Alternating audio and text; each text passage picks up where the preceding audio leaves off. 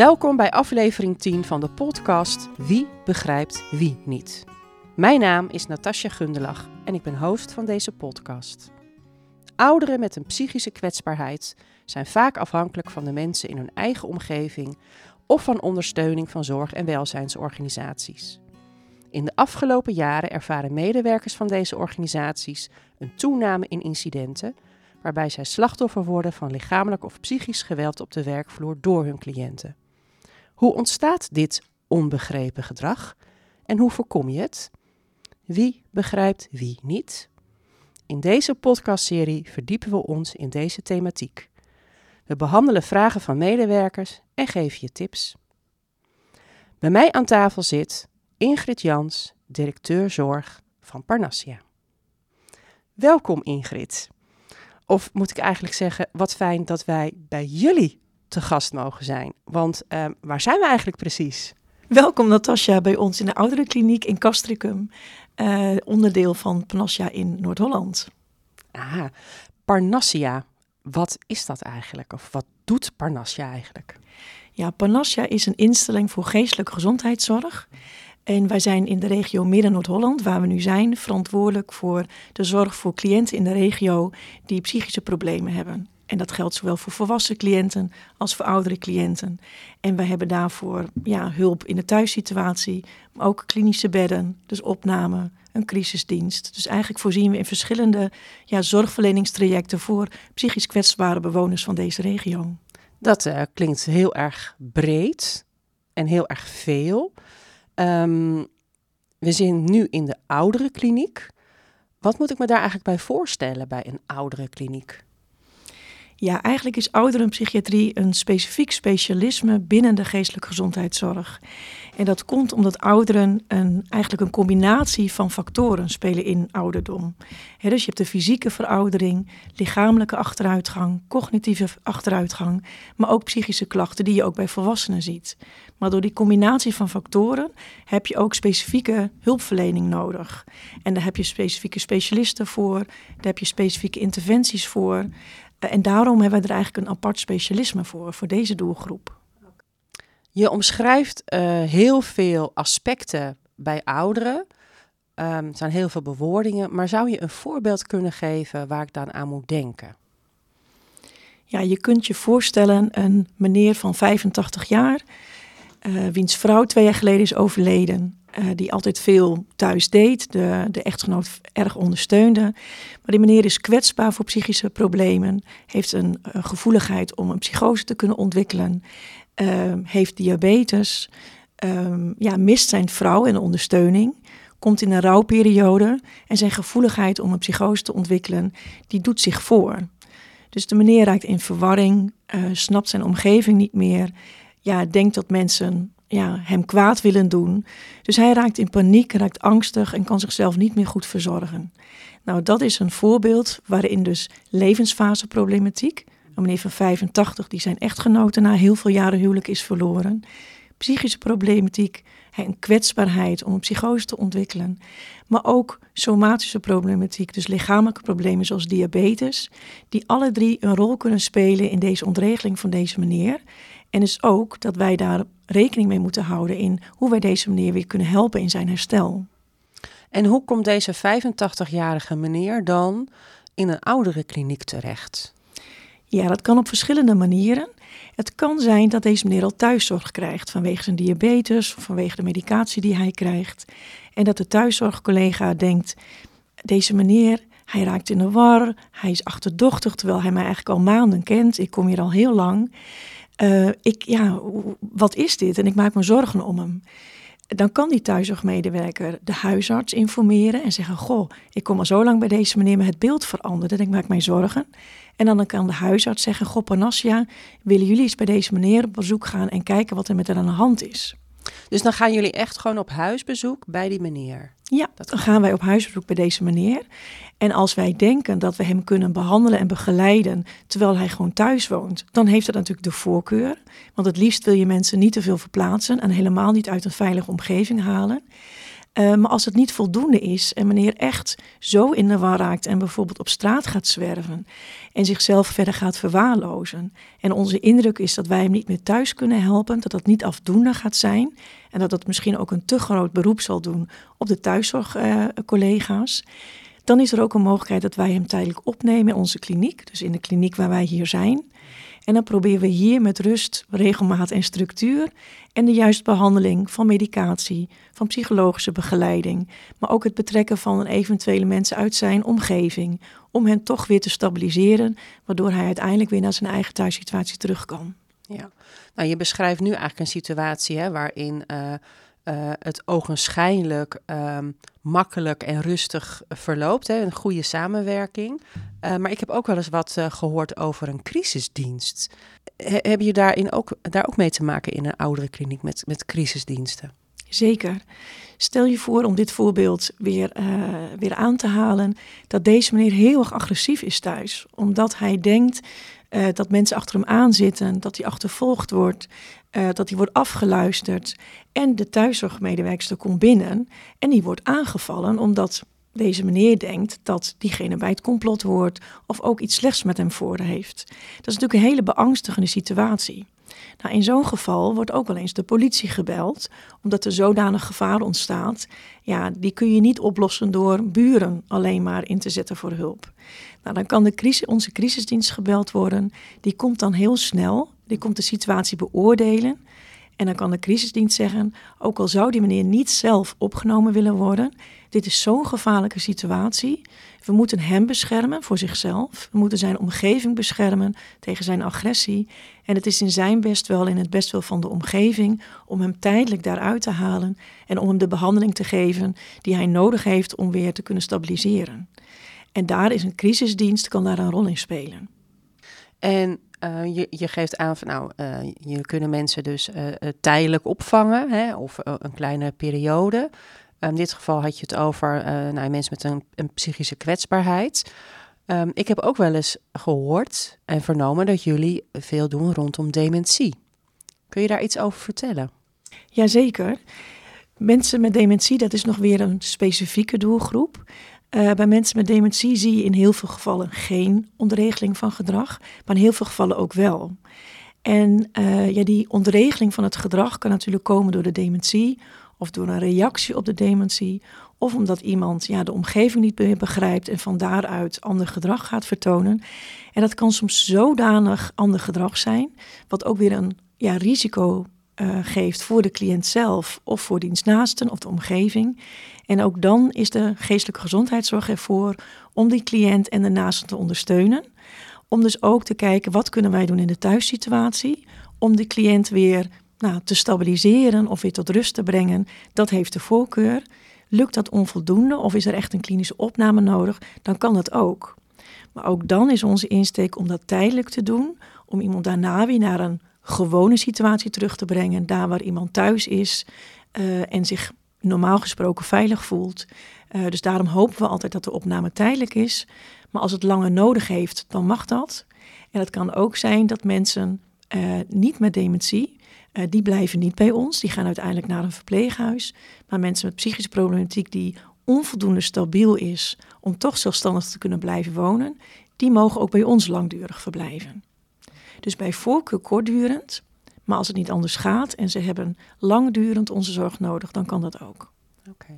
Je benoemt ook dat um, nou ja, ook mensen vanuit jullie naar verpleeghuizen uh, kunnen gaan. Uh, wij, nou ja, verpleeghuizen vallen in de sector, we noemen dat mooi de VVT, hè? verzorging, verpleging, thuiszorg.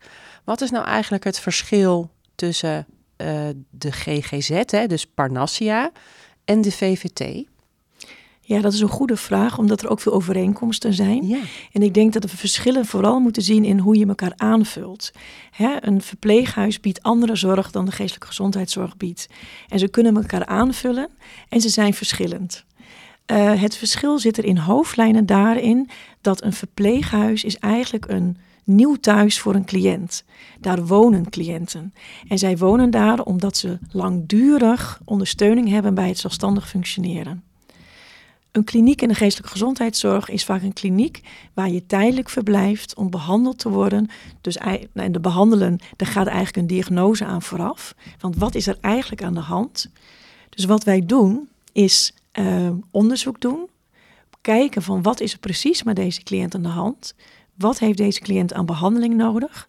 Wij gaan de behandeling inzetten en als het gestabiliseerd is, dan kan iemand ofwel naar de eigen thuissituatie ofwel naar een verpleeghuisvoorziening, omdat de inschatting is dat het zo langdurige zorg vereist. En dan zoek je naar een veilige woonvoorziening en dat vind je vaak in een verpleeghuis. Er zijn ook veel mensen die in de verpleeghuizen werken, ook in, of in de thuiszorg werken en die ook deze podcast uh, beluisteren. Op welke manier kunnen zij nou gebruik maken van jullie expertise? Voor collega's die in de thuiszorg werken, voor hen is het heel belangrijk om zich te realiseren dat de huisarts eigenlijk de regiebehandelaar van de patiënt is. Of van de bewoner, van degene bij wie jij thuis komt. Dus als een thuiszorgmedewerker zich zorgen maakt over een bewoner, dan is het goed dat hij dat, daar melding van maakt bij de huisarts. Want de huisarts ziet die cliënt niet altijd. En een, iemand in de thuiszorg ziet diegene soms dagelijks. Of meerdere collega's zien die patiënt heel vaak. Dus bij zorgen meldt het aan de huisarts. En de huisarts kan ons inroepen als de huisarts denkt dat wij iets voor deze patiënt zouden kunnen betekenen. Op het moment dat je als collega in een verpleeghuis werkt en je hebt een cliënt over wie jij je zorgen maakt, dan meld je dat vaak aan de specialist ouderheidskunde, de psycholoog, uh, andere collega's die uh, in het behandelteam van het verpleeghuis werken. In, vaak kunnen zij eigenlijk al heel goed helpen om de patiënt te behandelen of nou, goed in te stellen, waardoor de patiënt weer goed begeleid kan worden. Maar als ook de specialist ouderheidskunde en de psycholoog vastlopen en denken, ja, wij hebben de expertise van de geestelijke gezondheidszorg nodig, dan kunnen ook zij ons benaderen. En dan kunnen wij ook naar het verpleeghuis toekomen om mee te denken, om mee te behandelen. Ze kunnen ons ook gewoon bellen om advies. En als wij samen tot de conclusie komen, er is echt meer nodig dan advies of een keer bij jullie op de afdeling komen, dan kan het ook zijn dat we een cliënt tijdelijk overnemen omdat we denken dat ja, de omgeving van een, uh, ja, een afdeling in de psychiatrie met onze behandeling en expertise op dat moment voor die cliënt noodzakelijk is. En als iemand weer gestabiliseerd is, dan wensen we natuurlijk dat de cliënt weer terug kan naar zijn eigen plekje. En dan is het ook belangrijk voor ons dat wij dan ook de collega's in het verpleeghuis goed uitleggen wat hebben wij gedaan, wat heeft nou geholpen, ja, zodat die collega's er ook weer goed mee verder kunnen. Ik heb begrepen van medewerkers in de zorg dat ze het, en bedoel ik mee medewerkers die in een verpleeghuis werken, dat ze het eigenlijk soms een beetje spannend vinden als zij horen dat er een cliënt, nou in dit geval vanuit de oudere kliniek komt uh, en bij hun komt wonen. Omdat er op een of andere manier toch een beetje een beeld ontstaat dat, uh, nou zal ik het maar gewoon even hardop zeggen, dat mensen een beetje gek zijn. Um, kunnen we wat nou ja, is, is, dat, is dat beeld terecht eigenlijk? Nou, laat ik beginnen om te zeggen dat ik het soms wel begrijp. Oké. Eh, psychiatrie of ja, eigenlijk uh, gedrag wat je niet goed begrijpt, hè, dat is ook een deel van de titel hè, van deze podcastserie, uh, dat geeft ook spanning bij degene die daarmee te maken krijgt. het is soms onbegrepen gedrag. Het is soms gedrag wat ook angst oproept bij degene die dat ziet. Um, dus het kan soms angst en spanning oproepen. Dus wij begrijpen soms ook wel dat er spanning is als een cliënt van ons overgaat naar een verpleeghuis. Tegelijk is het ook altijd heel jammer, want het is gewoon een naaste, gewoon een cliënt, gewoon een burger, gewoon een mens met een eigen karakter, met een eigen voorgeschiedenis, die een kwetsbaarheid heeft, die soms leidt tot ja, moeilijk te begrijpen gedrag. Um, dus ja, enerzijds begrijpen we het en tegelijk hopen we ook dat het stigma, zoals dat dan vaak wordt genoemd, ik vind het soms zelf een wat ingewikkeld woord, maar het gaat erover dat je al snel denkt dat iemand uit de GGZ eng is, gevaarlijk, raar, gek. Terwijl het gewoon mensen zijn die als je ze kent en ook als je hun voorgeschiedenis kent, eigenlijk veel beter kunt gaan begrijpen. En het ook heel erg uitmaakt hoe je hen bejegent. Dus als je in contact met iemand komt, gewoon met iemand omgaat en niet alleen kijkt wat er op papier staat, dan blijkt het in de praktijk vaak gewoon een mens te zijn met zijn eigen eigenaardigheden waar je een band mee kunt opbouwen. Dat is niet anders dan iemand met een gebroken been of Ehm, een ander somatisch probleem waarom iemand in een verpleeghuis verblijft. En ook dat kunnen mensen zijn met eigenaardigheden. Um, dus de angst is soms ook een beetje uh, ja, uit een vooroordeel ontstaan. je bent gek als je in een GGZ zit. Nou, niet om mensen angst aan te jagen, maar om het te normaliseren. Wij allemaal hebben onze eigen psychische kwetsbaarheden. En de een heeft dat wat meer dan de ander. En ook de uitingsvorm kan anders zijn. Maar het is allemaal menselijk gedrag. Het zijn allemaal menselijke kenmerken. En ja, we hoeven er minder bang voor te zijn dan we denken. Ga vooral met de mensen het contact aan. Het zijn gewone mensen die ook vaak net als jij en ik zijn. Ehm, dus dat helpt al. En als het toch onbegrepen gedrag blijft, is de GGZ er ook altijd om met ja, de collega's in de verpleeghuizen mee te denken. Van hoe kunnen we nou toch dit gedrag begrijpen, waardoor je er ook beter mee om kunt gaan. En dus eigenlijk ook beter in contact kunt zijn met die bewoner. Dus stel je voor als ik uh, in een team zou werken waar we dat misschien een beetje spannend zouden vinden. En er zou een uh, cliënt komen vanuit jullie vandaan. En we zouden dat benoemen van, nou ja, uh, wij hebben misschien eigenlijk helemaal niet zoveel ervaring in omgaan met iemand die af en toe een psychose heeft. Um, kunnen jullie daar nog iets aan doen dan? Kunnen jullie ons daar nog bij helpen? Zeker. Want ik denk het is in ieders belang dat de cliënt een goede plek heeft waar hij langdurig kan wonen. Dat belang is er voor de cliënt, voor diens naasten, maar het is ook voor de collega's in het verpleeghuis en het is ook voor ons van belang. Dus we hebben er allemaal belang bij dat de overgang goed verloopt. En ook dat de collega's in het verpleeghuis ja, een goede band kunnen opbouwen met hun nieuwe bewoner. Dus als wij daarbij kunnen helpen door hen wat uit te leggen of hen te ondersteunen in de begeleiding van deze cliënt, dan doen we dat heel graag.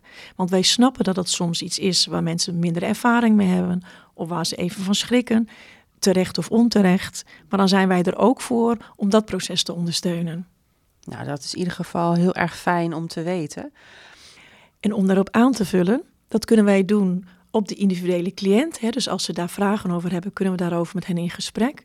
Maar we kunnen bijvoorbeeld ook een training geven of een keer op locatie komen en een bepaald thema met hen bespreken. Hè, dus stel dat er altijd vragen zijn over dat er nogal wel eens mensen zijn die roepen of mensen die wat ontremd zijn. Dan kunnen we ook gewoon met ja, een groep collega's in gesprek gaan van ja, hoe kun je daar nou het beste mee omgaan als zich dat voordoet. En dus er zijn verschillende manieren waarop we ja, eigenlijk zo'n team of de cliënt ook kunnen ondersteunen daarbij. We hebben een hele serie gemaakt met allemaal um, ziektebeelden, allemaal problematieken die medewerkers tegenkomen, vooral ook in verpleeghuizen. Hoe zie jij eigenlijk de toekomst uh, uh, voor je?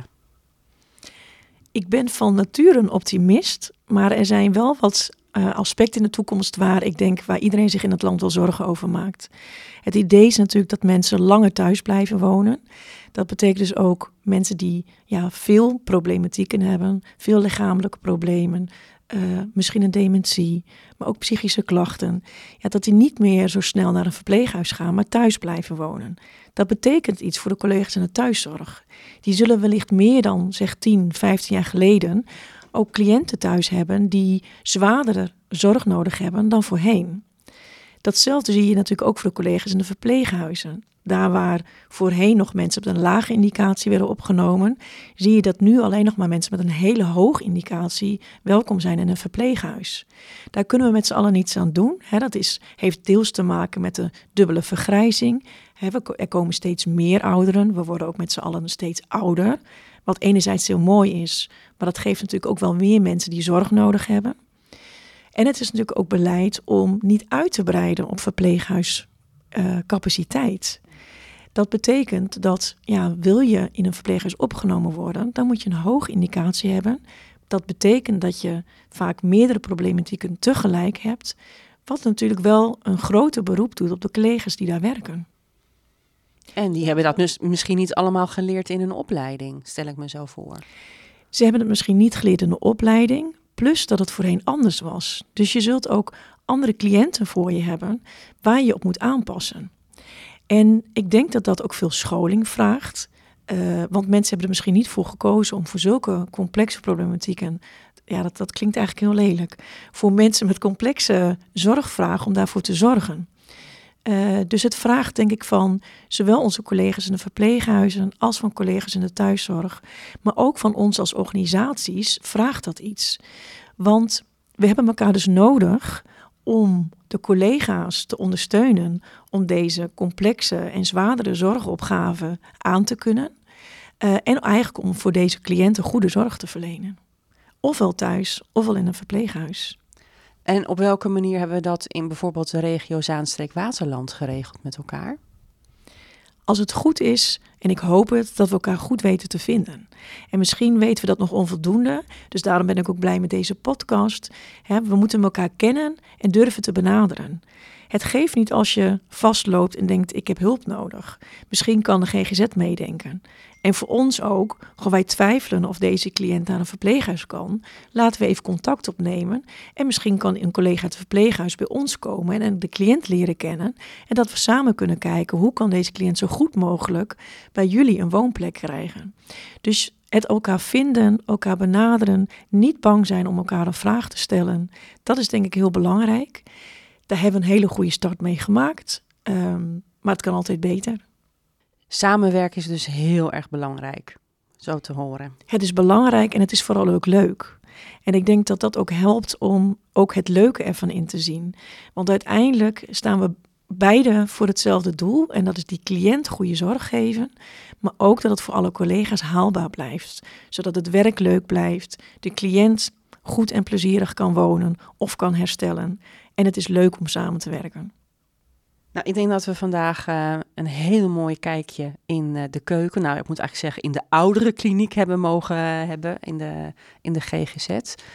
Dank je wel voor de gastvrijheid, voor je toelichting over nou ja, wat nou eigenlijk de GGZ is, wat oudere psychiatrie is en hoe je elkaar met elkaar kunt vinden in de regio. En dank je wel. Heel erg bedankt voor het gesprek.